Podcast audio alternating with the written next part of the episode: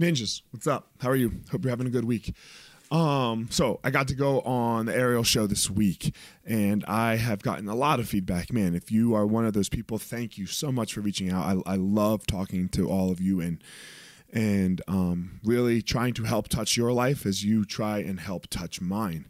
So what I want to talk about the the the biggest thing that people have said to me is like, uh, man, thank you for being so vulnerable. Um, and this is just such a key this is like a hot button word in our in in where we are right now this word vulnerability. Are you able to be vulnerable?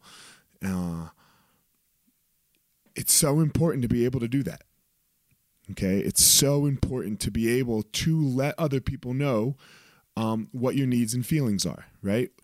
Um, now here's the caveat or the catch 22 to it because I, I believe all of these things are catch 22s just like my dbab right? Don't be a bitch and don't be a bully. Like they're opposite sides of the fucking spectrum. And and so is vulnerability okay? And this is why it can be so hard. And this is why we're having such a problem with it sometimes is like people just like I'm, I'm just telling my truth. I'm just gonna tell my truth. How many fucking times do we have to hear that right? Look tell your truth and then get to work it, it is your truth. I'm, and, and I won't say not to say it, and I won't say not to uh, be very, very aware of it and embrace it and all of that. But now get to work. Like, my truth is that I have fucking anxiety. This is just what it is.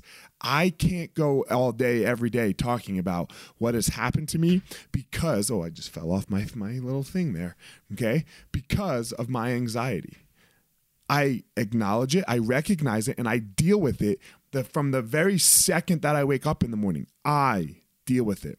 My feelings and are for me. My truth, I can let everybody know.